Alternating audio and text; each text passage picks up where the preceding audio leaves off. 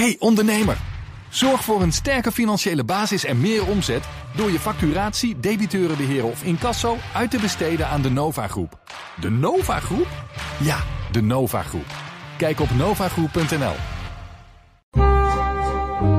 De Perestrooikast. Een blik op Oost-Europa.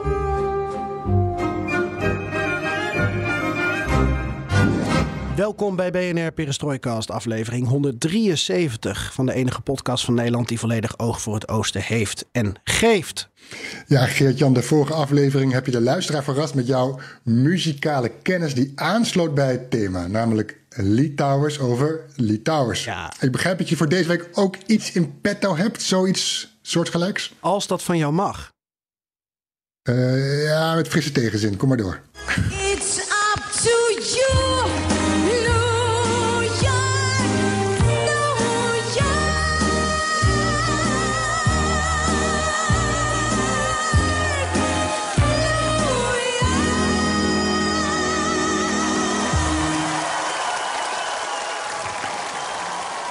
Ja, Floris. Ja, dit, dit, dit, nummer kent natuurlijk, ja, dit nummer kent natuurlijk iedereen, New York, New York. Um, maar we hebben het hier niet over die uh, miljoenenstad in de Verenigde Staten. Maar we doelen met het nummer op het kleine frontstadje in de Donbass-regio, Oost-Oekraïne. Ja, want volgens uh, uh, Russische uh, oorlogsbloggers is het Oekraïnse leger posities aan het innemen bij New York in Donetsk. Mm -hmm. En is er ook kleine terreinwinst geboekt. En dat allemaal dus vanuit nou, zullen we New York en de Donbass dan maar de Little Apple uh, noemen.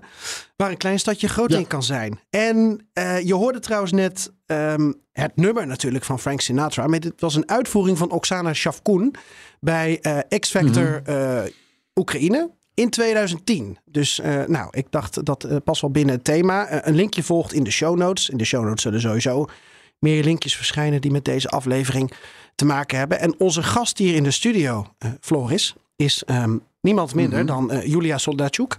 En uh, Julia, uh, ja, New York, jij kende het kleine New York al natuurlijk. Ja, ja, ik ben daar niet geweest, maar wel in de buurt. Want het is, voor de oorlog was het een stad van 10.000 inwoners, denk ik ongeveer. Ja, industriële stad. Ja, helemaal gericht voor omliggende industrieën en zo. Fabrieken.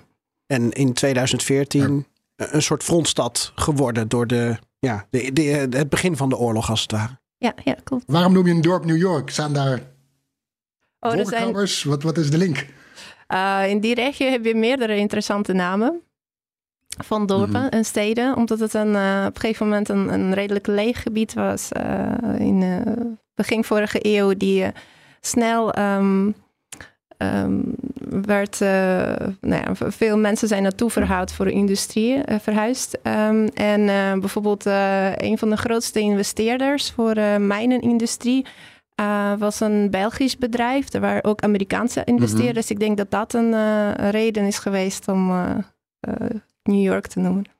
Ja, mooi hè? Aha, oké. Okay. Je hebt ook nog Sacco i Fancetti.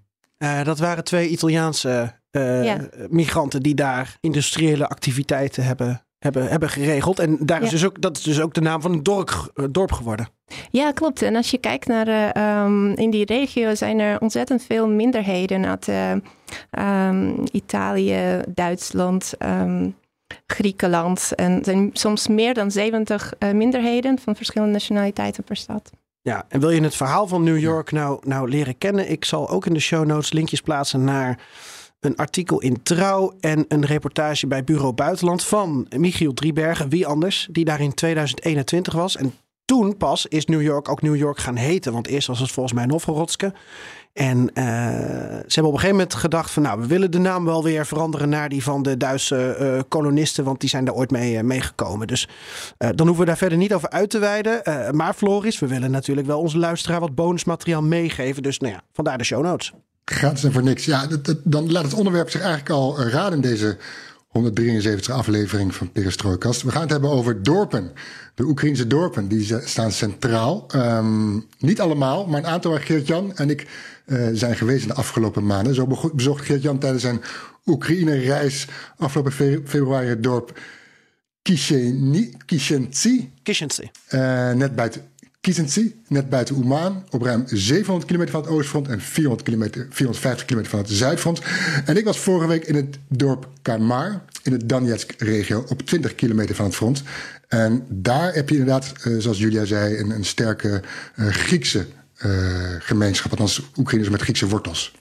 Nou, en, en Julia is ook net terug uit Oekraïne. Ehm, dus dan kunnen we toch met z'n drieën praten over hoe de oorlog dan zijn weerslag heeft. Ook op kleine gemeenschappen, op, op dorpen, op uh, gromada's. Ehm, wat valt ons dan op uh, als jij in Kamar bent, Floris, of ik in, in uh, tipje van de sluier. Um, ja, in Kishinci rouwen ze om, om gestorven dorpsbewoners aan het front. Ook al is dat front heel ver weg. En bij jou in Kamar is er discussie over hoe ja, hoe pro-Oekraïns ze nou moeten zijn. En, en zwaait de Oekraïnse tak van de orthodoxe kerk um, wel of niet met de scepter? Dat, daar ben ik dan wel, wel benieuwd naar trouwens. Even een tipje van de sluier. Ja, ja. Um, klein tipje. Hij is wel aanwezig, maar ook weer niet te aanwezig. Ik leg het zo uit. En dan horen we ook dus zo, we zijn de uh, provincie ingegaan. Het dorp, om met Wim Sonneveld uh, ja, te spreken. Precies. En, en daarmee bewijzen we opnieuw, kunnen we opnieuw vaststellen dat in deze podcast alles ten oosten van de rivier de Elbe de komende weken, maanden, jaren wordt besproken. En wat leuk is, is dat we heel sociaal en democratisch zijn. Abonneer je op ons, zodat je geen aflevering hoeft te missen. BNR Perestrooikast. Zoek ons op in je favoriete podcast-app. Mijn naam is Geert-Jan Haan. En ik ben Floris Akkerman. Ja, ja, het woordje ben stond niet in het draaiboek. En dan denk je gelijk van ik, Floris Akkerman. Dat is natuurlijk verwarrend. Dit is BNR Perestrooikast.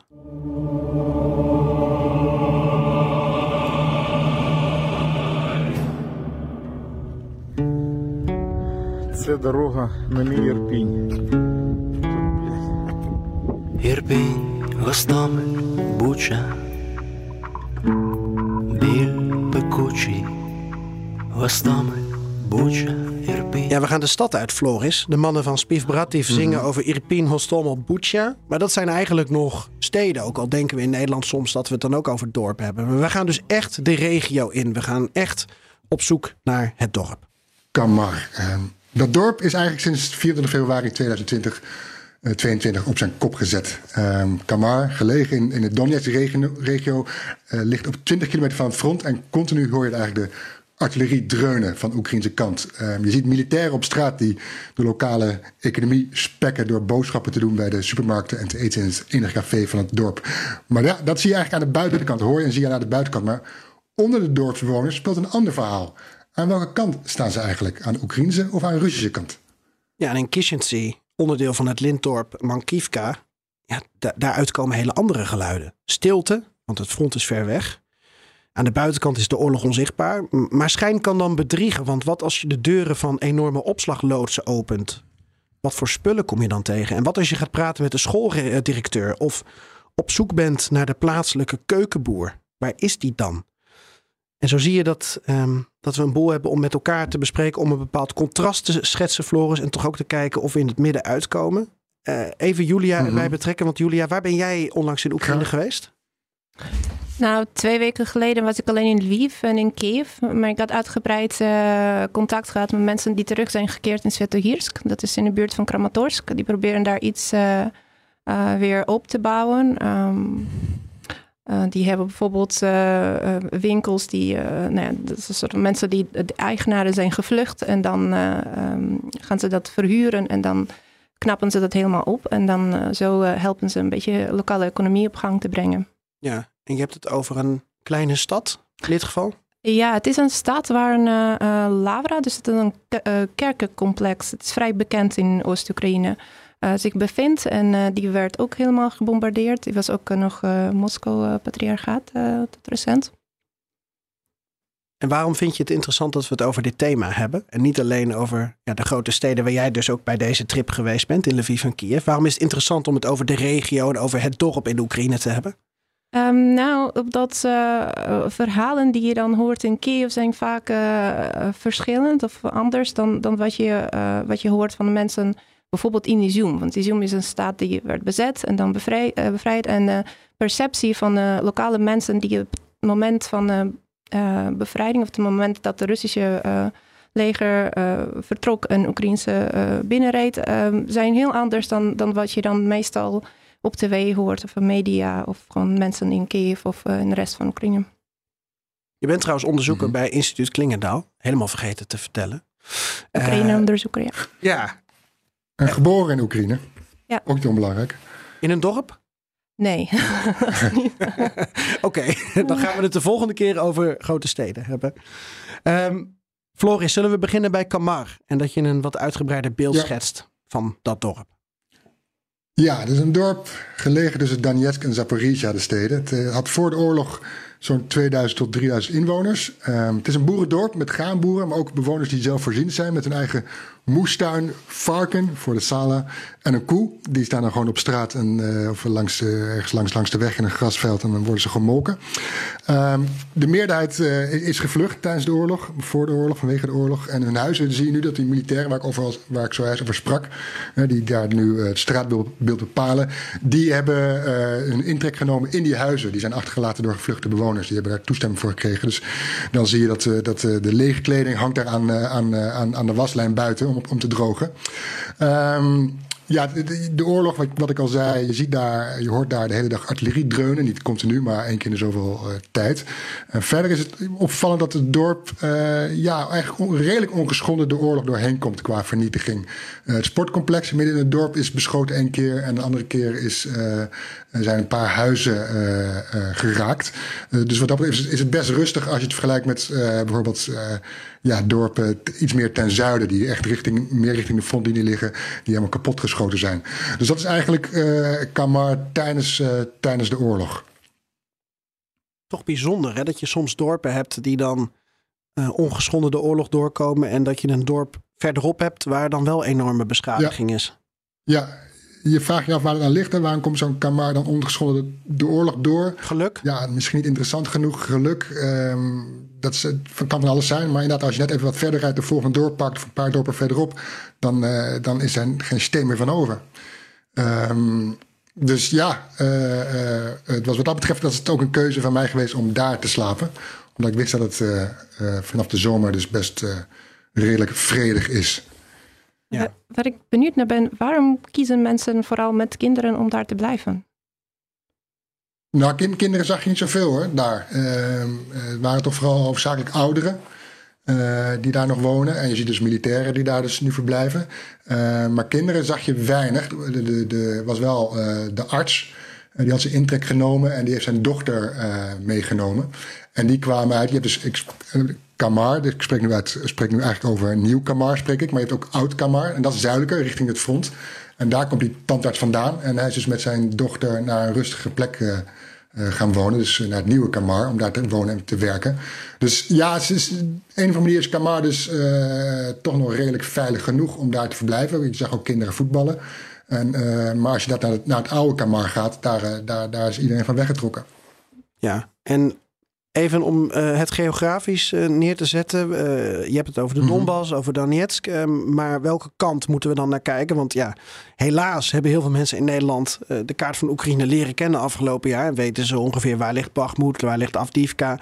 Waar moeten we Kamar plaatsen? Ja, het is meer richting het zuiden. Dus echt tussen Donetsk en Zaporizhia in. In, in de, in een hoek meer de grens van de Donetskse regio met... volgens mij is de aangrenzende regio Zaporizhia-regio... of Dnipropetrovsk-regio. Eh, dus daar moet je het zoeken. Het is ook niet... Het is ook echt een boerendorp wat dat betreft. Hè. Je kent natuurlijk ook de Donbass kennen van industrie en mijnen... maar dat, dat speelt hier echt niet. Het is echt eh, het graan en, en het boerenleven staat hier centraal. Dus wat dat betreft is het ook een, een, niet een typisch eh, dorp van de Donbass of stad Donbass... waarvan je denkt van dit, hier gaat het om mijnwerkers... hier gaat het om fabrieksarbeiders. Ja. Ja, als ik dan op de kaart kijk, dan zie ik eh, dat het ook in de buurt van eh Pakrovsk is, waar je eerder bent geweest. Ehm, en ook Ja. wel eh, redelijk dicht bij Voelen daar, waar we het niet al te succesvolle Russische offensief de afgelopen maanden hebben gezien. En waar ze volgens mij nog steeds bezig zijn. Zijn dat dan de, de, de, de geluiden die je op de achtergrond hoort als je in Kamar bent? Nee, dat, dat zijn de geluiden die je hoort. Ah, dan moet ik even kijken, snel spieken. Oh jee. Ja, je mag je aantekeningen erbij pakken. Ja, maar ik heb zelfs niet in mijn aantekeningen staan nu eventjes snel. Eh, dat is 20 kilometer ten zuiden van Kamar. Eh Veliki. Ah, Novosilka. Ja. Daar, is dus, eh, daar wordt ook gevochten. Dus daar hoor je eh, het uitgaande Oekraïnse artillerie gaan. Oké.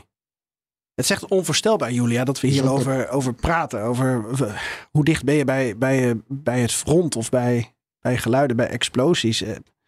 Jij was voor het eerst sinds de oorlog, eh, de, de, nou ja, de, de officiële, de, hoe moet ik het nou zeggen, de volledige invasie. Sinds 24 februari 2022 was je weer in Oekraïne. Ja, dat was de eerste keer. En eh, daarvoor, dus al die steden, eh, plekken die jullie noemen, daar heb ik gewerkt met de lokale gemeenschappen. Dus dat is extra soort van bekend en persoonlijk. Maar ik ben onder de indruk van, van hoe jullie jongleren met al die namen. En weet je, dat is een regio, nou, het is relatief onbekende regio ik had- ik had voor, voor de oorlog. Ik had wat hulp van Geert-Jan hoor, bij de laatste. Ja, en we, we kijken wel naar Google Maps. Daar hebben we ook wel, eh, wel hulp van. Maar jij kent dus ja, die regio ontzettend goed. Maar dan is het niet gek dat we het nu zo hebben over al die dorpen en kleine stadjes eh, op zo'n manier. Want jij kent de mensen daar dus. In, in betere tijden eigenlijk. Ja, ja, en verhalen. Sommigen zijn naar Rusland eh, gevlucht, sommigen naar eh, Westen. Mhm. Ja, maar je, je raakt daaraan gewend. Het is nu een realiteit. Ja. Ja. In, in Kamar, inderdaad, wat, wat Julia zegt. Sommigen vechten aan het Oek- eh, bij het Oekraïnse leger. Ja, dat dorp is dus verdeeld. Eh, en sommigen zijn aan de andere kant gaan vechten. Want jij hebt ook gekeken, Floris, naar, naar, naar 2014. Hè? Even terug in de tijd. ehm, Ja, toen, het, toen het glazen De- echt begon. Ja, dat is natuurlijk de vraag in die hele Donbass-regio. Van ja, wat is een, aan welke kant staat die Donbass? Hè? Janukovic stond er altijd sterk met de verkiezingen. Er had een bepaalde hang naar Rusland, naar de Sovjet-Unie.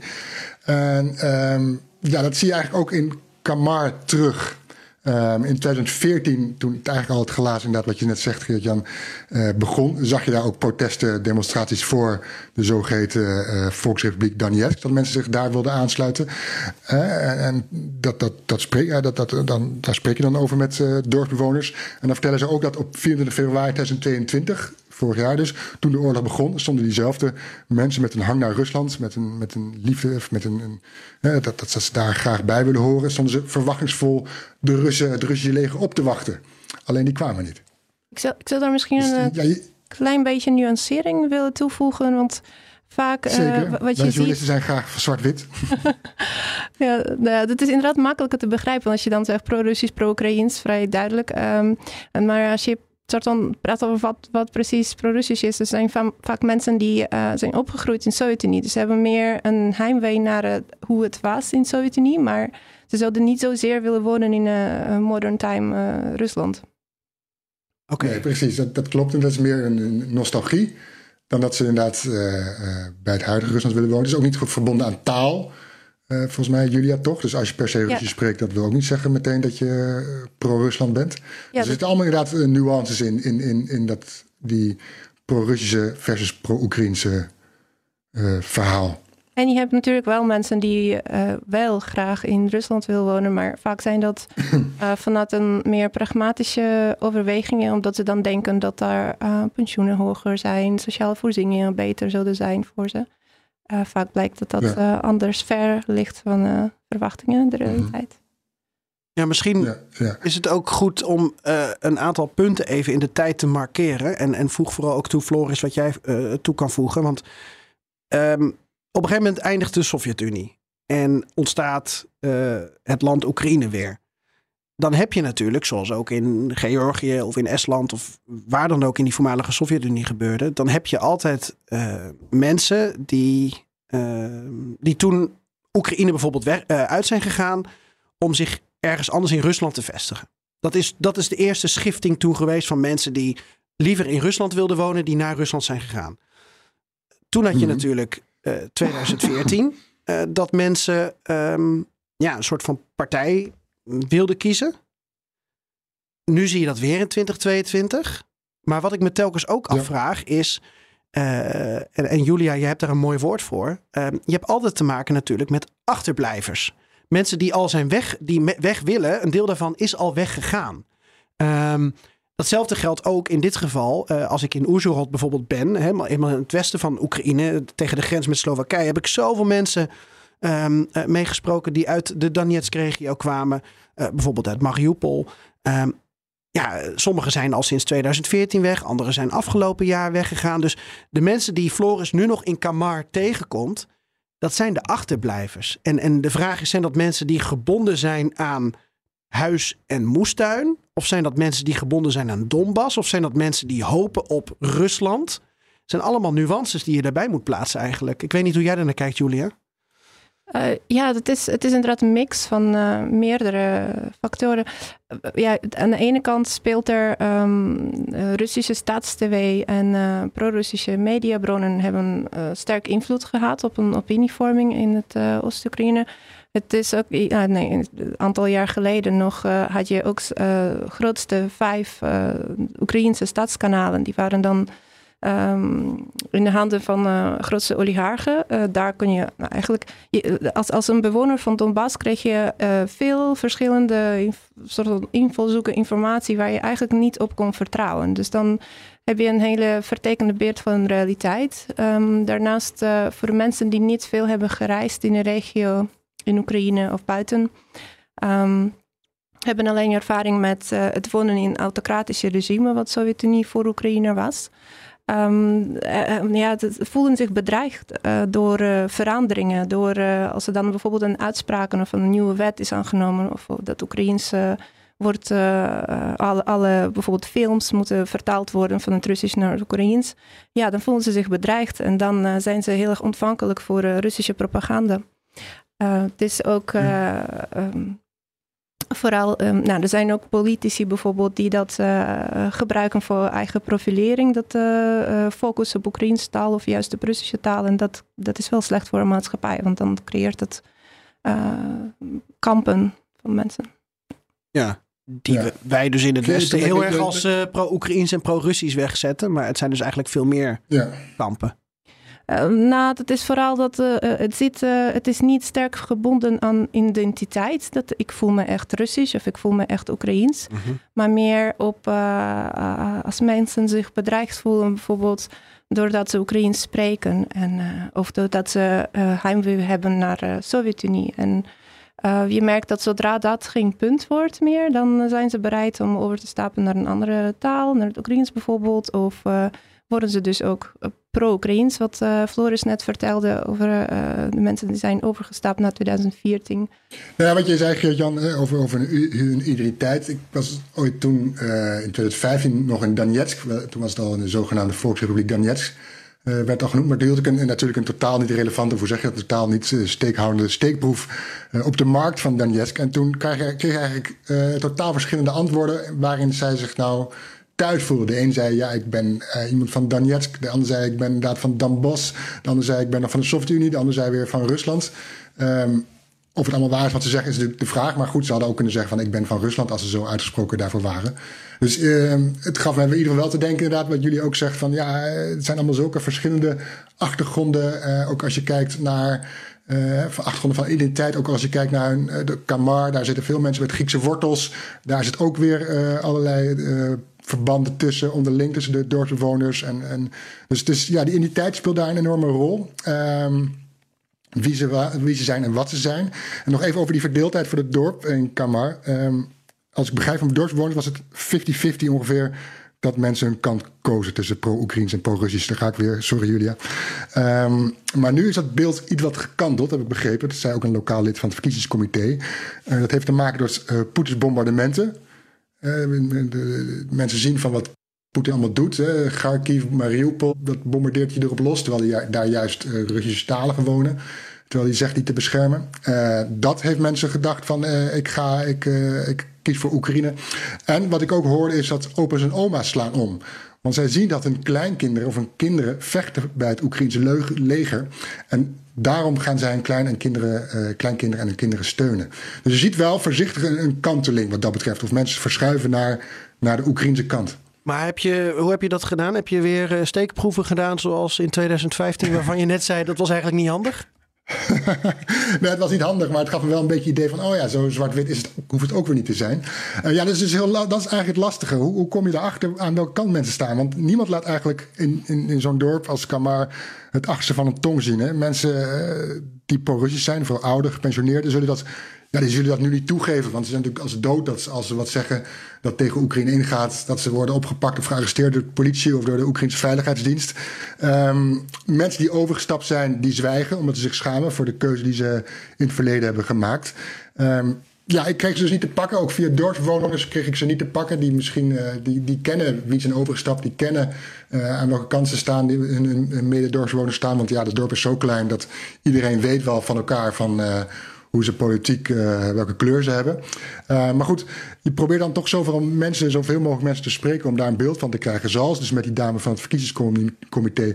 Of met Ivan, die eh, uitgesproken pro-Oekraïens was. Een boer die buiten op straat zijn eh, truck stond op te knappen, te repareren. Om die klaar te maken om weer graan te kunnen vervoeren van zijn graanboerderij naar, naar, naar de havens. En ehm, naar hem, hij is dus uitgesproken pro-Oekraïens, Russofoob, zegt hij zelf. En naar hem zijn dus mensen toegekomen die eh, van pro-Rusland naar pro-Oekraïne zijn gegaan en zich hebben, verontschuldigd, zich hebben verontschuldigd voor hun keuze. En dat doen ze juist bij hem, omdat ze weten van, ja, eh, ze willen graag laten zien aan hem van ik sta aan jouw kant, ik sta aan de goede kant.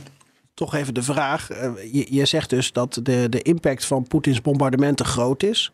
Waarom denken dan niet Mhm. meer mensen pro-Oekraïens?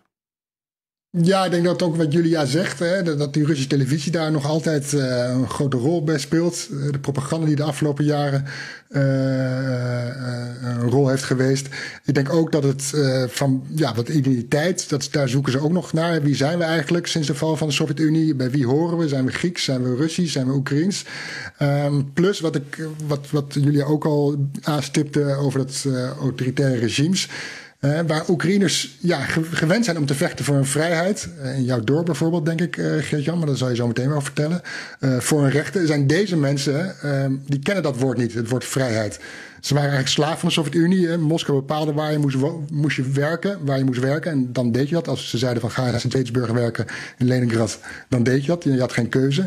Een woning kreeg je van de staat. Een stuk grond, boerengrond was niet voor jou, maar was ook van de staat. Dus eh, ja, ze weten eigenlijk niet wat het, wat het woord vrijheid is. En weten dus ook niet waarvoor ze eigenlijk moeten vechten. En waarvoor ze moeten strijden.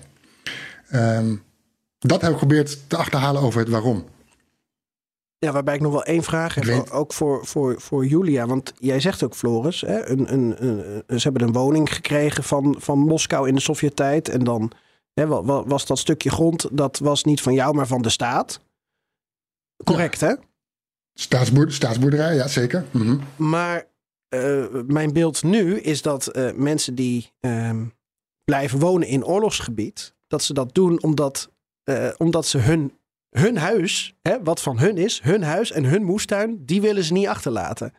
Dus dat is toch anders dan dat het van de staat was. Maar het is wel soms ook een reden dat mensen op een bepaalde plek blijven. Helemaal niet omdat ze pro-Russisch of pro-Oekraïns zijn. Nee, ze zijn gewoon pro- pro-eigen huis. Eh, Absoluut, Ja. absoluut. En dat is, pro, dat, pro is een- zichzelf, dat klopt, dat klopt. dat is dan kenmerkend voor Oekraïners. Wat eh, eh, vaak eh, wordt het dan zo'n beeld neergezet hoe je Oekraïner van Rus onderscheidt. Dus dat is dan eh Oekraïners zijn eh, van, van oud eh, een- soort van eh, tekort aan vertrouwen ontwikkeld voor welke macht eh, of regering en machthebbers dan ook. Ze wil gewoon eigen eh, een baas zijn over eigen stukje grond. En eh, eh, ongestoord gaan ze verder. Maakt niet uit wie, de, wie, wie, wie je komt te bezetten. Ehm, en dan, als je dan, daar ben ik een minder een expert in, maar je hebt dus niet een status quo tussen de regering en, en een eh, ehm, bevolking, zoals je dat soms hoort in Rusland, soms zo'n ongeschreven social contract. Mhm. Als je ons niet Ja. lastig valt, dan vallen we jou niet lastig. Mhm. Je had daar een, een, een mooi woord voor, hè? voor achterblijvers. wachten. Zdoené, nee. ja. Maar dat zijn... Ja, dat eh, klopt, ja. Mhm. Ja, ja, dat ken je. Wat werd er ook gezegd in Kamar. Ja, ja, ja. Dat zijn de achterblijvers, de wachtende. Maar ga door, ga door. Ja, dat zijn, dat zijn mensen. Wat, kijk, eh, we, hebben het vaak over eh, identiteit. En eh, ben je pro-Russisch of pro-Oekraïens? Ehm, eh, maar wat, wat ik zelf ook vaak vergeet, is levensomstandigheden waar mensen in wonen daar. En die zijn decennia lang best wel zwaar geweest. Dus dan vaak een keuze om te vluchten of niet, eh, is niet zozeer ideologisch ge- gemotiveerd, maar puur pragmatisch van heb ik, waar krijg ik meer kans om, om te overleven, een ban. En uh, zijn eh, vaak mensen die eh, nou ja, sterk onder invloed van propaganda, eh, Russische propaganda zijn en eh, die ook het niet zo breed hebben. Eh, dus die hopen echt Ja, op die sociale voorzieningen en van, van die ze dan Ja. in Rusland zouden kunnen krijgen, eh, wat vaak blijkt illusie te zijn. Ja, maar wel het ideaalbeeld. Ja. ja. Floris? Ja, dat, dat, zei, dat zei de Ivan zei het ook over. Die, die, de wachtende, de wachtende op, op, op die Russische krijgsmacht die dus eh eh, Kamar binnen zou moeten eh, lopen. Maar ja, dat wachten, dat wachten levert dus eigenlijk niks op. Nee, Ivan van Maar de, van de lokale Terroporonne, hè, bedoel je? Ja, ja, klopt ja. Ja. Ja. ja. Dus, dus, dus ja, wat dat betreft zie je nog, ja, is, is, er induiken. Maar je- het is, het is wat dat betreft ook, ook lastig, omdat niemand echt open zich uitspreekt of ze voor Rusland zijn. Ehm, dus eh, het, is, het, is, het, is, het is lastig, maar goed, via dorpsbewoners kun je toch een beeld krijgen hoe zo'n dorp, eh, eh, hoe de vlag daar hangt. Nou, je bent gewoon eh, socioloog, antropoloog, veldwerker, Ja, ja, onderzoeker. zeker. Je kan zo het werk van Julia doen en Julia dat van jou. Nou ja, we gaan samen op pad, vind ik prima. Lijkt me leuk. Kunnen jullie nog iets over de rol van de kerk vertellen? Eh, Floris, jij allereerst hoe jij dat ervaren hebt. En dan misschien Julia ook omdat ze daar natuurlijk jarenlang heeft gewerkt in, eh, in die regio. Ja, je hebt in Kamar heb je een prachtig kerkje op een heuvel. eh, met een losse kerktoren. En dan de kerk zelf, waar dienst wordt gehouden, los daarvan. En ja, eh, die kijkt uit over de rest van het, over het dal. En als de kerkklokken luiden, dat hebben ze niet gedaan de afgelopen weken dat ik er was, dan, dan hoor je het over het hele dal. Dus de kerk speelt wat dat betreft is, is heel zichtbaar in die regio.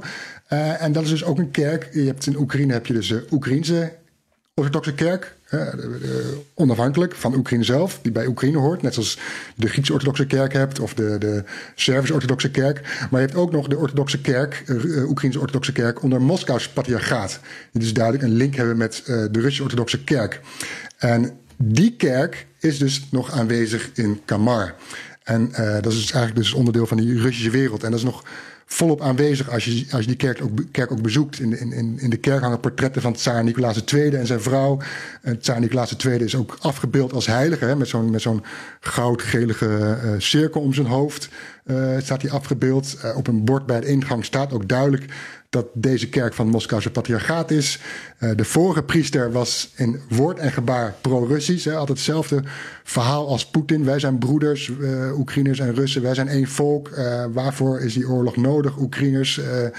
Waarom doe je dit? Eh, dus ja, wat dat betreft is die, die, die, die Russische wereld in de vorm van die kerk heel erg aanwezig. En niet alleen in Kamar, maar ook in andere dorpen.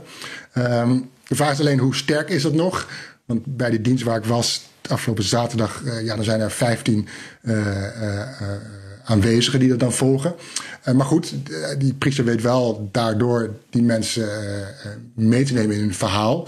Aan de andere kant zie je ook wel dat mensen hun kinderen daar laten dopen. Zonder dat ze meteen elke zaterdag naar, naar het dorp gaan of naar de, naar de dienst gaan. Dus ja, die kerk speelt het ook wat betreft een prominent, prominente rol. De priester moet ook na elke, bijvoorbeeld bij een begrafenis van het dorp, moet hij ook aanwezig zijn en daar zijn, zijn, zijn verhaal houden. Eh, daar heb ik ook begrepen, was hij duidelijk van eh, over zijn pro-Russische kant. Dus ja, zo'n priester, eh, zo'n pro-Russische priester, dat, dat, dat, dat, dat, ja, hoe zou ik dat zeggen? Die, die is aanwezig in zo'n dorp. En dus ook daarmee de link naar Rusland. Ja.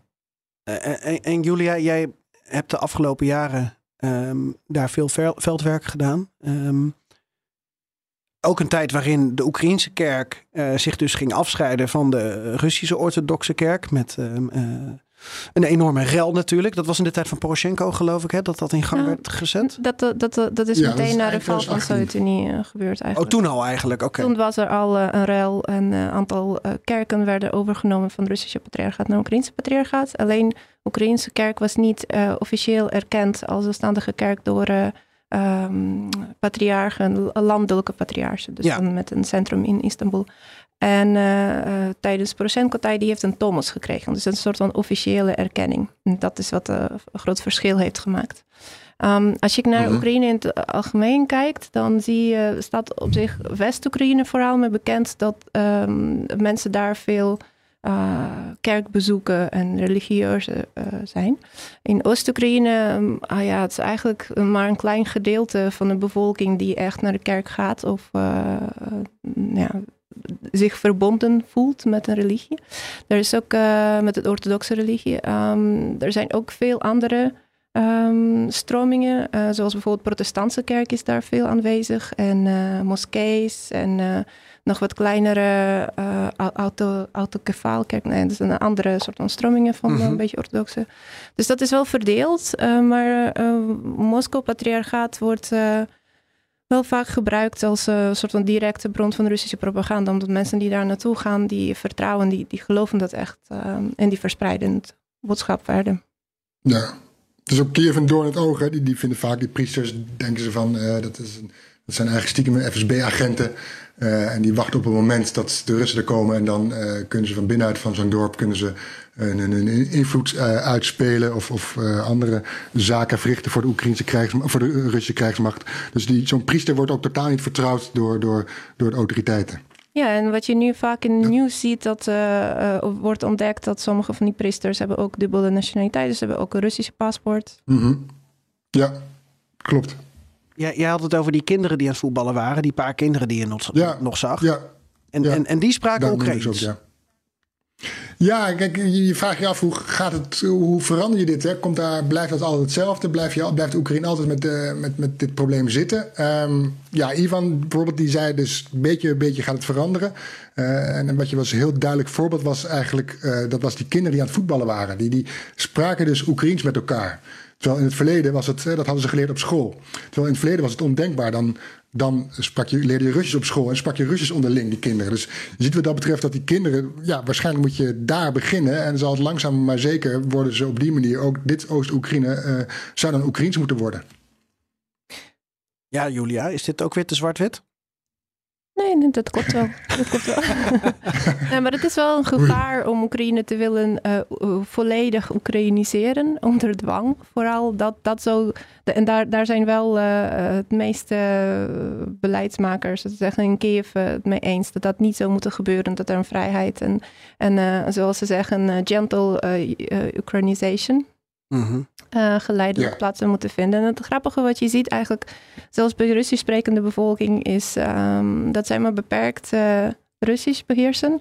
Ehm, in eh, elke dagse thema's eh, is dat dan primary eh, de eerste taal voor ze.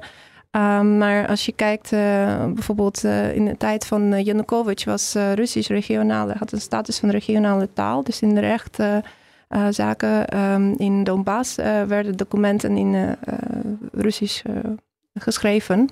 En wat je daar vaak zag is dat Russisch sprekende mensen die dat moesten lezen vroegen naar vertaling naar het Oekraïens van bepaalde terminologie, omdat ze dat niet konden volgen. Dus dat, dat zie je ook met vakliteratuur. Dat die kennis beperkt is, omdat je op school Oekraïens krijgt. Ja.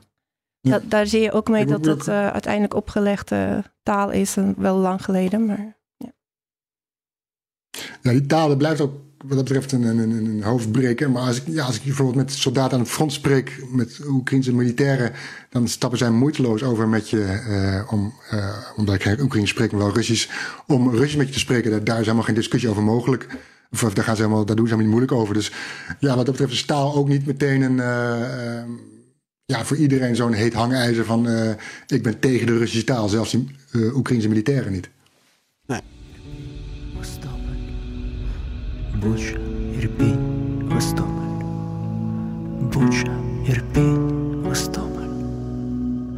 Uh, ik was in Kishintse. En Kishintse is mhm. op, ik denk zo'n 30 kilometer rijden van Oeman. En dat is dus een een dorp, onderdeel van een, een groter lintdorp Mankivka, wat dan weer een, eh, een gromada is. Kishensee is een paar honderd inwoners. Eh, Mankivka, eh, volgens de telling voor de oorlog, 7000 inwoners geloof ik. Maar dat, ja, dat, dat is nu zo moeilijk natuurlijk te zeggen. Wie is daar nu? Ja, en Ja. dat is een dorp in Cherkasy Oblast, als ik het goed heb, in het midden van, van Oekraïne.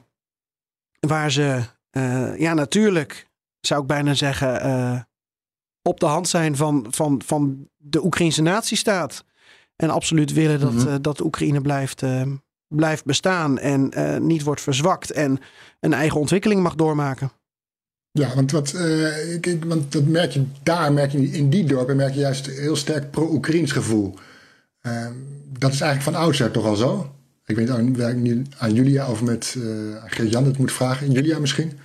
Ja, ik weet niet precies of dat voor... voor eh, kijk, Mankivka bestaat sinds 1629, zag ik op de botjes. Maar ik ben niet helemaal teruggegaan eh, in de tijd met Hetmannen... of dat eh, toen ook specifiek pro-Oekraïens was. Ik denk het haast wel, maar... Ja, ja, klopt.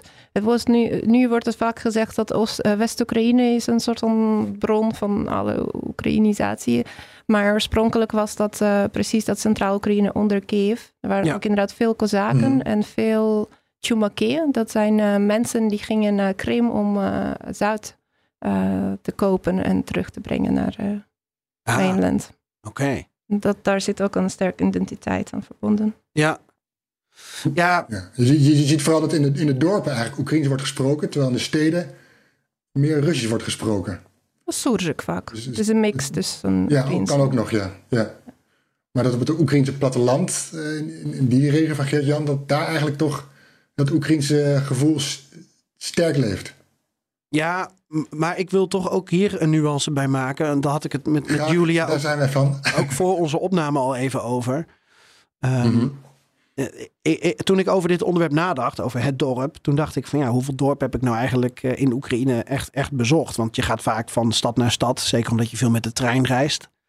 Ja, ik ben een keer in het dorp Mars geweest voor een reportage. Dat is ehm, volgens Mhm. mij eh Chernihiv Oblast, vlakbij eh Belarus. Maar daar was ik ja, daar was ik gewoon omdat het een spookdorp aan het worden was. Dus daar wonen nog twintig mensen. En ik wilde daar naartoe omdat dat mogelijk zou uitsterven.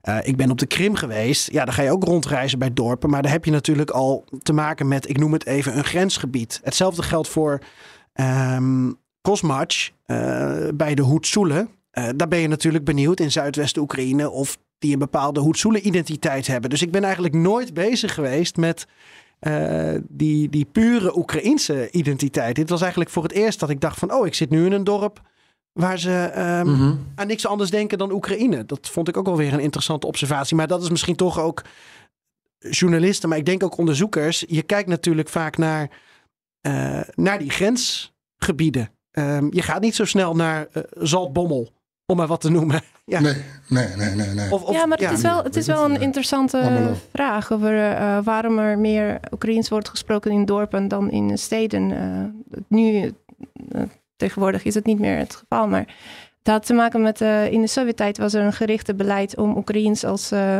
mm, te kleineren als taal. Ehm, en eh, als je eh, een carrière wilde maken, dan moest je Russisch spreken. En in grotere Mhm, steden was je baan afhankelijk van de communistische partij. Dus dat is natuurlijk dat er werd eh, meer nou, mensen die naar de staat kwamen, die gingen over naar het Russisch van Oekraïens. En in de Oekraïnse dorpen, jullie zien het nog steeds, ze zijn heel erg zelfvoorzienend. Ze hebben een eigen land en dan kunnen ze vrijwel goed van leven. Ehm, dus er waren, eh, het was moeilijk om, ze te, om, om dorpen te controleren in de Sovjet-Unie. Daarom bleven ze de Oekraïnse identiteit koest- koesteren. ja, misschien Ja, kunnen we dan... natuurlijk eh, Holodomor natuurlijk, die eh, daar zijn, zijn, zijn idee achter heeft... om juist op het platteland die hongersnood te creëren. Sorry, kun je dat nog één keer zeggen, Floris? Ik sprak net door je heen, dus ik kon het Oh, begin niet verstaan. Daar was de, in de jaren 30 had je de Holodomor, eh die hongersnood opgezet, eh, bewust. Om juist op het Oekraïnse platteland dat, die Oekraïnse identiteit af te nemen. Ehm, die was daardoor heel actief eh, uitgespeeld door het Kremlin onder Stalin. Ja, ja klopt. Ehm, Ik wil toch even terug naar jou. We moeten- we dwalen een beetje af, maar even over jouw dorp, Geert-Jan, Kishansi. Ehm Nou, je hebt daar een beschrijving van, toch? Je bent daar ingedoken wat voor dorp het is. ja, waarbij we dan niet helemaal afdwalen hoor. Want we zijn nu ook ehm, Nee, zeker niet. in het agrarisch gebied gekomen. En toen ik naar, naar ging, dat was eigenlijk niet per se het plan. Ik was twee weken in, in de buurt van Kiev. En op een gegeven moment zei iemand van... Goh, ik ga een dag richting uh, Oeman, wil je mee? Uh, ik heb een auto en uh, oké, okay, nou drie uur rijden. En ik had daar een afspraak met uh, Emmeke Vierhout. Nou, dat klinkt al natuurlijk niet Oekraïens, die naam. Uh, zij is een Nederlandse. Zij is uh, getrouwd met Kees Huizinga. bij... Mhm. Gaat die goed, Floris? Ja, ja, ja, gaat goed. Ja, je hebt een klein kuchje. En um, mm-hmm. nou, ik was daar op bezoek bij Emmeke Vierhout. Dat is dus geen Nederlandse naam. Of ja, nog een keer. Ik was op bezoek bij Emmeke Vierhout. Dat is geen Oekraïense naam, zoals je begrijpt. Dat is een Nederlandse die al 15 à 20 jaar in Oekraïne zit. Samen met Kees Huizinga. Dat zijn twee namen die veel in de media ook zijn geweest de afgelopen tijd. Sinds ja. eh, de volledige invasie op eh, 24 februari 2022 eh, zich voltrok. En zij hebben een enorm boerenbedrijf. En Emmeke eh, is ook meer bezig eigenlijk met eh, humanitaire zaken sinds die oorlog zo, eh, zo groot is geworden en het hele land treft. Maar ze hebben dus eh, een boerenbedrijf van eh 15.000 hectare. Dat is een derde van de Noordoostpolder. En dat betreft tien dorpen die, ja, waar Kiesensee eigenlijk het centrale dorp voor hun van is, want daar wonen zij. Eh, maar dat zit allemaal dus in Mankivka eigenlijk. En ja, zo kom je dus uit bij dat agrarische, eh, wat je net eh, schetste. Want ja, als zij dan eh, mij meenam in de auto, dan zag ik alleen maar land, eh, land van hun. Maar Ja. Ook weer niet van hun. Eh, dat gaat ze ook vertellen. Eh, het wordt gepacht. Want buitenlanders kunnen in Oekraïne geen landbouwgrond kopen. Eh, ik, ik heb er een kleine compilatie van gemaakt. In de vorm van twee kleine reportages. Ehm, met jouw goedkeuring kan ik de eerste laten horen. Graag. Ik ben Emmeke Vierhout en eh, wij zijn in Kishinsy, dorpje in Oekraïne, in het centrum van Oekraïne. En eh, ik woon hier, eh, wij hebben hier al twintig jaar een boerenbedrijf met zo'n 15.000 hectare en eh 2000 koeien. En ehm, ja, sinds een jaar eh, is natuurlijk de oorlog begonnen en eh, hebben wij ook een eh, humanitaire stichting waarmee wij eh, hulpgoederen eigenlijk voornamelijk naar het oosten brengen, naar de moeilijk bereikbare gebieden. En dat wordt eerst hier bij ons gebracht en daarna eh, brengen wij het in kleine beetjes weer door naar waar het nodig is. Eh wij staan hier in de opslag die wij nu gebruiken voor de humanitaire goederen die wij eh, naar Oekraïne vervoeren. Eh, het is een enorme loods. Eh, wat, zie- wat zie ik daar in de verte als ik een sprint van eh, 100 meter trek? Ja, moet ik even zelf goed kijken. Ik denk dat er zonnebloemen liggen. Het is zwart, dus het is inderdaad zo ver weg dat ik het zelf ook niet kan zien. Maar we staan in het voorste gedeelte. En, en kun je me heel kort meenemen als je een heel klein rondje loopt naar wat we hier allemaal zien? Dan loop ik achter je aan met de microfoon. Ja, nou ja, wat we hier zien is eigenlijk heel weinig van wat er eh, tot een paar maanden, tot een paar weken geleden stond. We hadden op een gegeven moment eh, zes eh, volle vrachtwagens uit Oekraïne, uit Nederland, met vooral generatoren. Ehm, en die zijn hier voor de kerst aangekomen. En hier zie je daar nog het laatste restant van aan generatoren, wat nog verdeeld moet worden. Nog een paar ziekenhuisbedden. En ehm, ja, eigenlijk is alles wat hier stond, dit stond helemaal vol, is al eh, verdeeld en weggebracht. eh, vooral richting Oost-Oekraïne. Eh, en dit is het laatste beetje wat je hier nog ziet. Ik zie nog wat matrassen, ja, generatoren, ziekenhuisbedden. En dit heeft, heeft dit helemaal volgestaan met hulpgoederen? Ja, ja, dit heeft helemaal vol gestaan. Vol pallets, helemaal hoog. En ja, dat is allemaal georganiseerd en uiteindelijk voor het grootste gedeelte al dus weggebracht. Eh, door onze mensen naar eh, bestemmingen. Een dorp ongeveer in, de, in het bedrijf zitten. En dan overal ligt dus land. Dus waar we net langs reden bij Zenzelivka, waar we die opslag hadden, daar had je die lange straat. En volgens mij, als ik het even goed zag, ik kijk alleen maar naar de sporen, dan herken ik het dan nou. Want ik weet het zelf ook echt niet meer. Wat, wa- waar we, maar als het zo netjes strak land is, dan is het meestal van ons. Ja, Emmeke Vierhout, eh, deel 1. Ehm, Floris, Mhm. viel jou iets op aan deze, aan deze beschrijving als we het hebben over het thema eh, het dorp en de oorlog? Nou ja, ik vraag me af in- in- inderdaad dat, dat, in hoeverre dit dorp dan zich daar eh, volledig bij inzet. Achter die hulp is het inderdaad nog net zo sterk als aan het begin van de oorlog. En je bedoelt of, Weet je dat? of, of je, Of ze, ik moet mijn vraag wat duidelijk formuleren. Nou, of die hulp, die humanitaire hulp, uit, van, ook uit vanuit zijn dorp, dat dus sterk pro-Oekraïns is, eh, of ja, in ieder geval eh Oekraïne steunt en wil dat het zo blijft. Eh, hoe verre die hulp daar nog is richting het Oekraïnse leger, richting humanitaire hulp, et cetera. Hoe is het afgenomen in vergelijking met toen de oorlog uitbrak? Nee, dat, dat heb ik haar wel gevraagd. Maar zij gaf aan dat is eigenlijk ja, ongoing. Eh, Mhm. Emmeke Vierhout is ook de speel van stichting De Leeuw Kiev. Dat, dat zullen mensen misschien wel Mhm. kennen. Nederlandse ondernemers die kracht hebben gebundeld. En eh, ja, zij krijgen doorlopend dingen binnen. Dus dat die nu even leeg was. Ja, dat was ook een reportage die ik twee maanden geleden heb gemaakt. Toen ik bij haar op de deur stond. ehm, op de drempel. Ehm, maar dat kan zomaar weer, eh, weer meer zijn. En er was een andere locatie. En daar was een heleboel voedsel die ze aan het verzamelen waren. Waterfilters hadden ze er al 7000 geloof ik van geregeld. Ehm, maar ook, en dat vond ik ook wel grappig, eh groenten uit Gerson.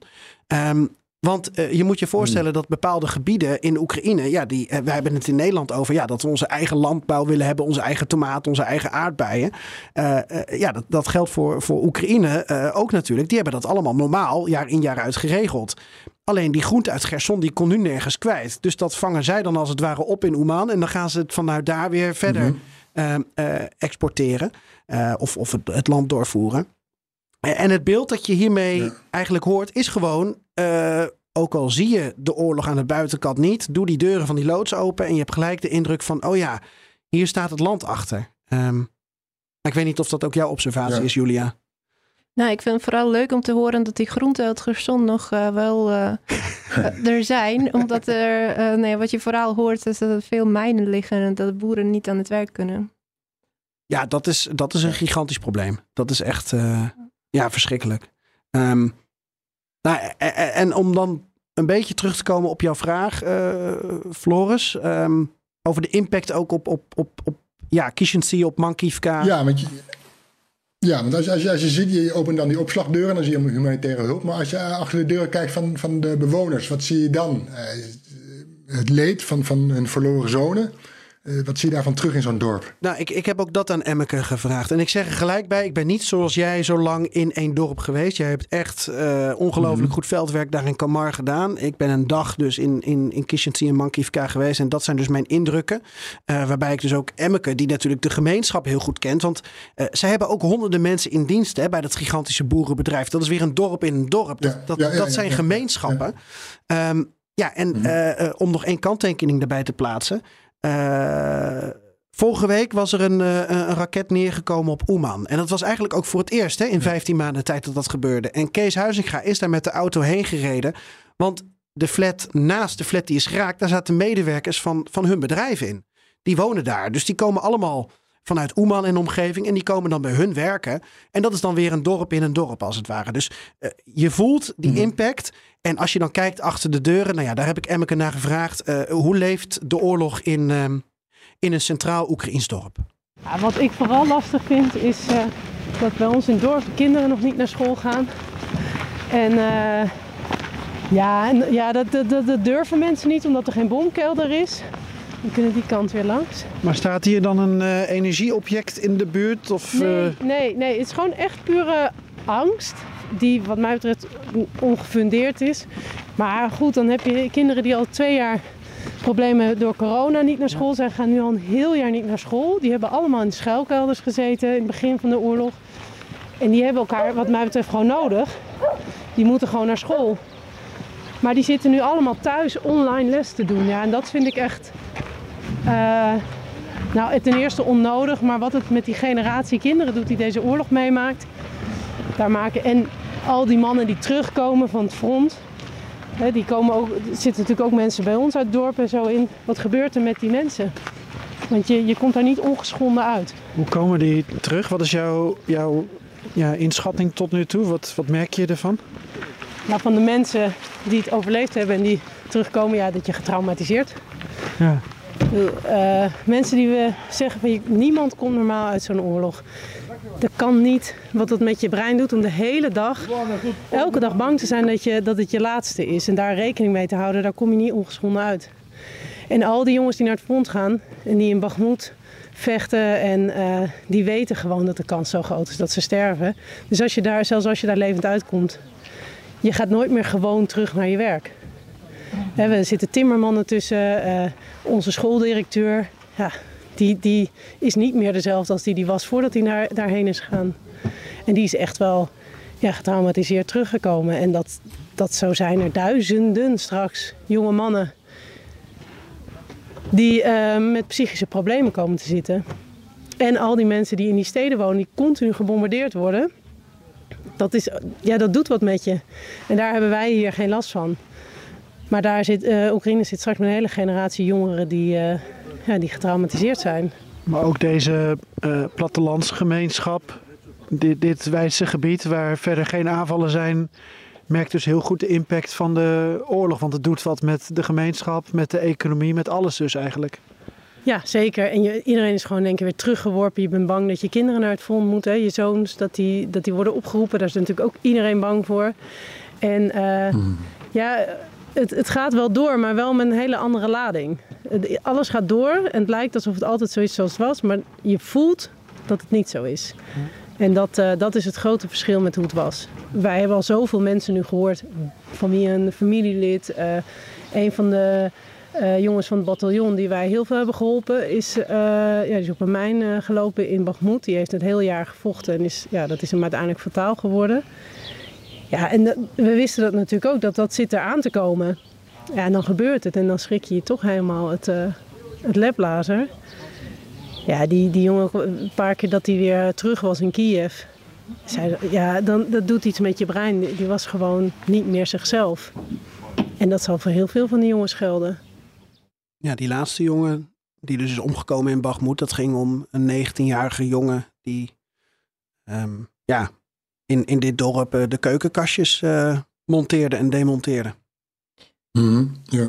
Het is een groot probleem inderdaad. En dat wordt wel gezien ook in Kiev. Eh, hoe, hoe ga je daarmee om en hoe help je mensen te herstellen? Maar het is ook goed om, te, om niet te vergeten dat in Oekraïne eigenlijk geen enkele generatie is geweest die geen geweld, eh, onderdrukking of oorlog heeft meegemaakt. En dan leven ze nog steeds. Ja. om positief te blijven. Ja. Je kan, je kan mensen op de brein kan Mhm. wel. Ja, maar dat is, dat is wel heel pijnlijk. Ja. Er zijn natuurlijk zoveel mensen hier in Nederland die denken, ja, eh, alleen in de grensregio's naast Rusland of aan de fronten, daar merk je de oorlog. Of in Kiev, want dan horen ze dat daar weer eh, raketten zijn neergekomen of drones uit de lucht zijn geschoten. Maar nou, ik, ik, ik had wel een, een emotionele eh, dag in Kishinev op een gegeven moment, omdat je toch denkt van jongens, ja, hier, eh, hier is ook iedereen ongelukkig.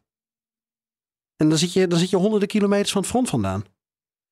Ehm, ja, wel, Ja, maar anders dan bij Floris natuurlijk. West-Oek- West-Oekraïne, ehm, West-Oekraïne, eh, een- een middenstuk, daar zie je niet de bombardementen. Maar daar gaan de jongens, de zonen, naar het, naar het front. Dus op die manier komt het daar binnen, ja. Ja, en omdat ze daar dan de ruimte hebben als, als plattelandsgemeenschap, eh, denken ze van nou laten we onze, onze loodsen gebruiken voor, voor humanitaire hulp en eh, allerlei voertuigen die weer door kunnen naar het leger. Ja, dat is, dan, dat is dan de rol die ze oppakken. Iedereen heeft dus zijn rol in deze oorlog eigenlijk. Ja, ja die eh, het- het, eh, de vrijwilligersbeweging is enorm eh, sterk inderdaad. Dat heeft veel mensen verbaasd, ook in Oekraïne. Eh, Julia, even, even over, over dat, terug naar dat eh, pro-Rusland, pro-Oekraïne. Om het zo maar even zwart-wit te stellen. Ehm, hoe, zo, dat West-Oekraïne, hoe kijkt dat, hoe kijkt dat naar, naar, naar, naar het oosten? Wat je vaak hoort na 2014, als mensen vluchten uit het oosten naar, naar het westen gingen, werden de West-Oekraïners keken toch de mensen uit het Donbass wantrouwend aan. Van ja, eh, jullie heulen met de vijand, jullie zijn tegen, jullie, jullie zijn bij Rusland. Ehm, zie je dat nog steeds zo? Nou, die sentiment is er zeker aanwezig. Ik had gisteren toevallig met een eh, kennis van mij gepraat. eh, die eh, ehm, vluchtte eerst uit Severodonetsk, dat is Luhansk-regio, naar Kharkiv. Daarna met zijn gezin, daarna met naar van Kharkiv naar eh Ivano-Frankivsk. En daar zitten ze nu eh, bijna, nou ja, anderhalf jaar. En eh, ze zijn dus Russisch sprekend en eh, we gebruiken Oekraïens zo, zo veel mogelijk. Maar dan krijgen ze nog steeds opmerkingen van eh, waarom ga je niet volledig over. En, en het, gewoon het feit dat, er dat ze Mhm. uit Kharkiv komen, wordt een beetje met, door sommige mensen met eh, wantrouwen gezien. Maar tegelijkertijd, ik had ook een aantal vragen gesteld aan mensen in Lviv. Van hoe kijken jullie nu naar de, de mensen die zijn gekomen vanuit Oost-Oekraïne? Vinden jullie dat vervelend? En, en meesten zeggen dat het maakt ons niet uit welke taal ze spreken, waar ze vandaan komen, zolang ze eh, zich eh, een beetje eh, aan de regels houden hier en eh, bijdragen aan de maatschappij. En als ze gewoon goede mensen zijn, dan. eh, dus dat, dat, dat vermindert wel. In 2014 was het wel heel anders. Omdat, dat hoorde ik ook namelijk in Oezerot. ehm, nu is het hele land in oorlog. Het hele land is bij deze oorlog betrokken. En eh, vanaf 2014 ging het om de Krim en om het oosten. En, en werd het niet helemaal als, als onze oorlog ook gezien. En, en werden mensen die op de vlucht waren, eh, ja, daar werden eigenlijk bepaalde dingen van geëist. Van nou, dan eh, wil je hier komen wonen, oké, dan moet je aan onze voorwaarden voldoen. En nu is er veel meer ehm, ja, een gemeen, gemeenschappelijk drama eigenlijk. Zo wordt dat gedragen. Ja, en ik hoor het in de maatschappij speelt dat heel erg. eh, het, het wens om, de taalkwestie te, te, eigenlijk te verminderen. Dat wij zijn allemaal hetzelfde. En dat dat zo niet uit moeten maken. Dus dat is wel een mooie ontwikkeling. Ja. Eh, toen jij, Julia, toen je in, in Oekraïne was in april, toen heb je ook gesproken met eh, secretaris van de Nationale Veiligheids- en Defensieraad van Oekraïne, Oleksiy eh, Danilov. En als ik goed heb begrepen, heb jij met hem gesproken van ja, hoe, hoe, moet Kiev omgaan met dat pro-Russisch sentiment in Oost-Oekraïne? Hoe, hoe, los je dat op? Hoe haal je ze naar, naar je kant? Wat, wat, zei, wat, wat, wat, wat is Kiev van plan? Ehm, ja, ik, er waren meerdere eh, staatsfunctionarissen gesproken. En inderdaad, onder andere, hoe ga je desinformatie tegen? Hoe ga je om met, eh, nou wat te zeggen, bevrijde gebieden? Hoe, hoe kan je ze reintegreren? Ehm, en ehm, wat we eerder vandaag al hebben gesproken over die Jordanië, over het pragmatische van eh, wa- waar heb ik een beste kans om te overleven. Vanuit die redenering gaat dan uh, als eerste re- um, economische vooruitgang. Uh, dus zorgen dat, uh, dat er nieuwe banen komen. Dat met de focus op lokale bevolking. Dus bijvoorbeeld mensen, vluchtelingen uit Donbass die dan terug kunnen komen. En die in de eerste instantie de kansen krijgen om een staat weer op te bouwen. En mm-hmm. tweede, um, entertainment en sociale voorzieningen. Dat er om te zorgen dat in die steden uh, er bijvoorbeeld een sportclub zijn of uh, iets voor, voor persoonlijke ontwikkeling. Zodat je een soort van kan bouwen op je toekomst en, en niet de tijd of de wens hebt om te, te vervelen en, en op de bankje uh, voor je huis te gaan klagen over wat allemaal slecht gaat. Um, en dan mm-hmm. pas komt de correcte informatie, dus een soort van tegengaan van desinforma uh, desinformatie. Bijvoorbeeld uh, ook over EU-toetredingsproces of onderhandelingen van toetreding tot NAVO. Wat kunnen mensen verwachten en wat, wat juist niet?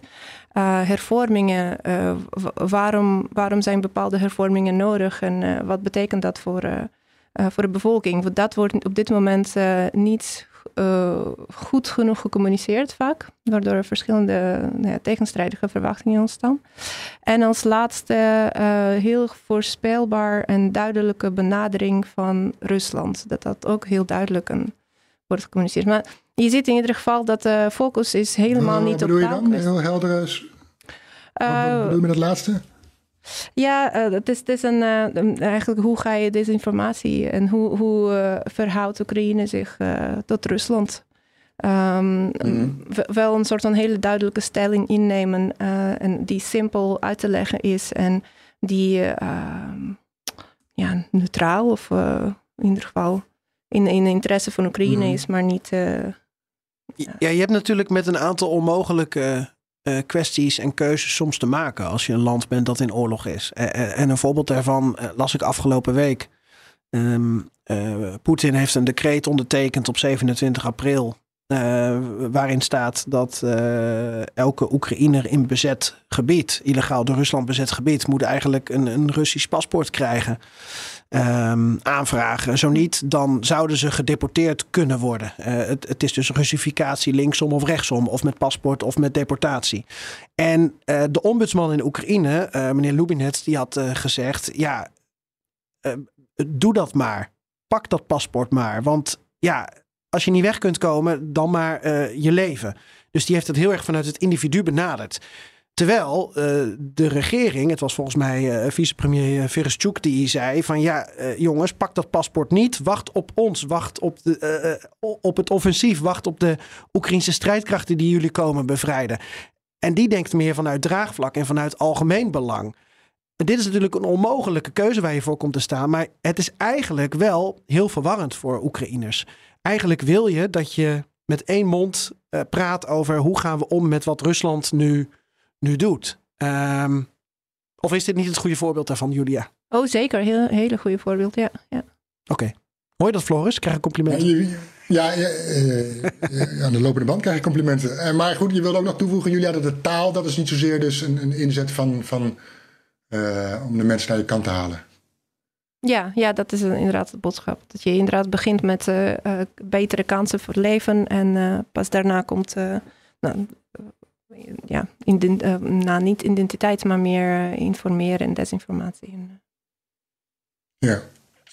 En als we nou ehm, kijken naar, naar, naar zo'n dorp als Kamar, waar Floris is geweest. eh, en, en de Donbass-regio. Ehm, ook al heb je heel goed uitgelegd, er zijn eigenlijk eh, mensen met verschillende gedachten in, in Oost-Oekraïne. Eh, pro-Oekraïens, pro-Russisch, ehm, pro-eigen huis, eh, nostalgisch, noem maar op. Allerlei redenen om wel of niet eh, iets, iets te vinden.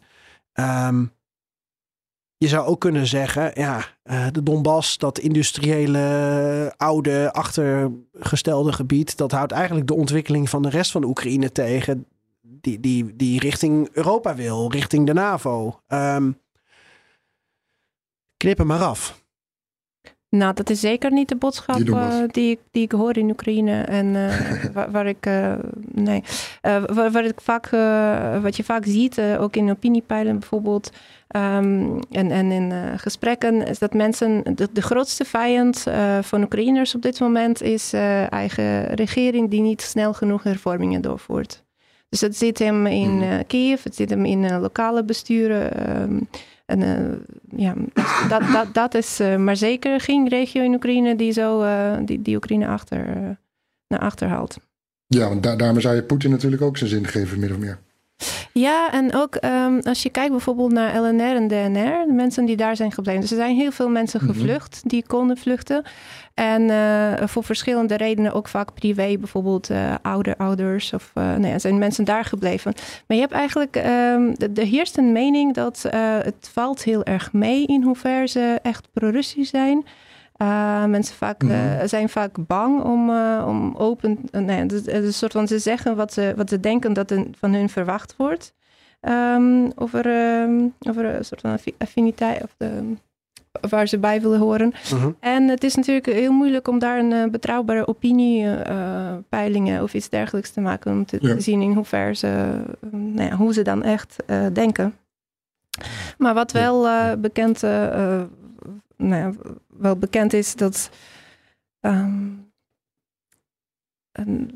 mensen in de, Donbass-regio, vooral in, in die uh, grijze zone, wat werd genoemd voor uh, grootschalige invasie, dat ze zich heel erg in de steek gelaten voelden, verlaten door de door, overheid en verwachten wel dat ze dus daar juist moet geïnvesteerd worden. Juist in de Donbass-regio. Juist om te laten zien hoe je uh, daar democratisch en ontwikkeld uh, regio van kan maken. Ja.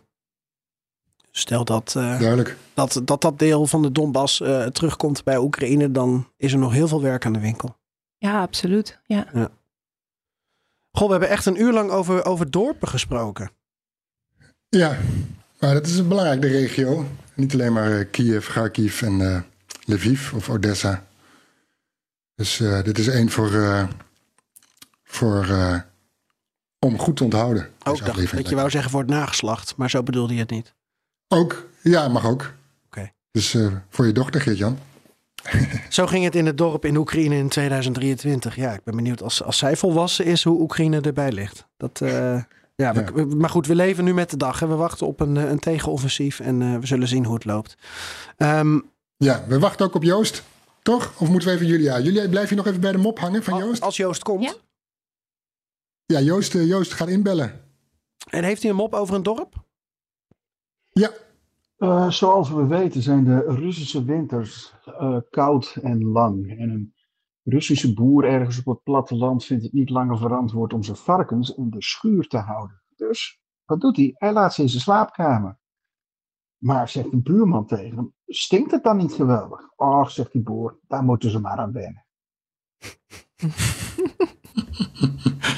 Oké, okay. nou die heeft hij waarschijnlijk weer gecopy-paste uit uh, de Achterhoek of zo. Um, ja. Maar ik vind het een goede grap. Ik begrijp hem in ieder geval. Ja, dat is het belangrijkste. Okay. dankjewel nou, Joost. Ja, dankjewel Joost. Dankjewel. En Julia, bedankt. Ja. Julia Soldatjuk van Klingendaal Instituut. Ja. Oost-Europa. Dit hebben we weer lekker geoefend, hè? Zo synchroon. Krijgen we als je op afstand zit.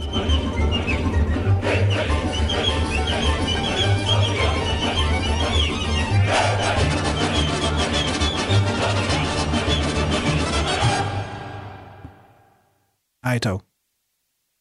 Paka. Dank jullie wel. Hey ondernemer. Zorg voor een sterke financiële basis en meer omzet door je facturatie, debiteurenbeheer of incasso uit te besteden aan de Nova Groep. De Nova Groep? Ja, de Nova Groep. Kijk op novagroep.nl.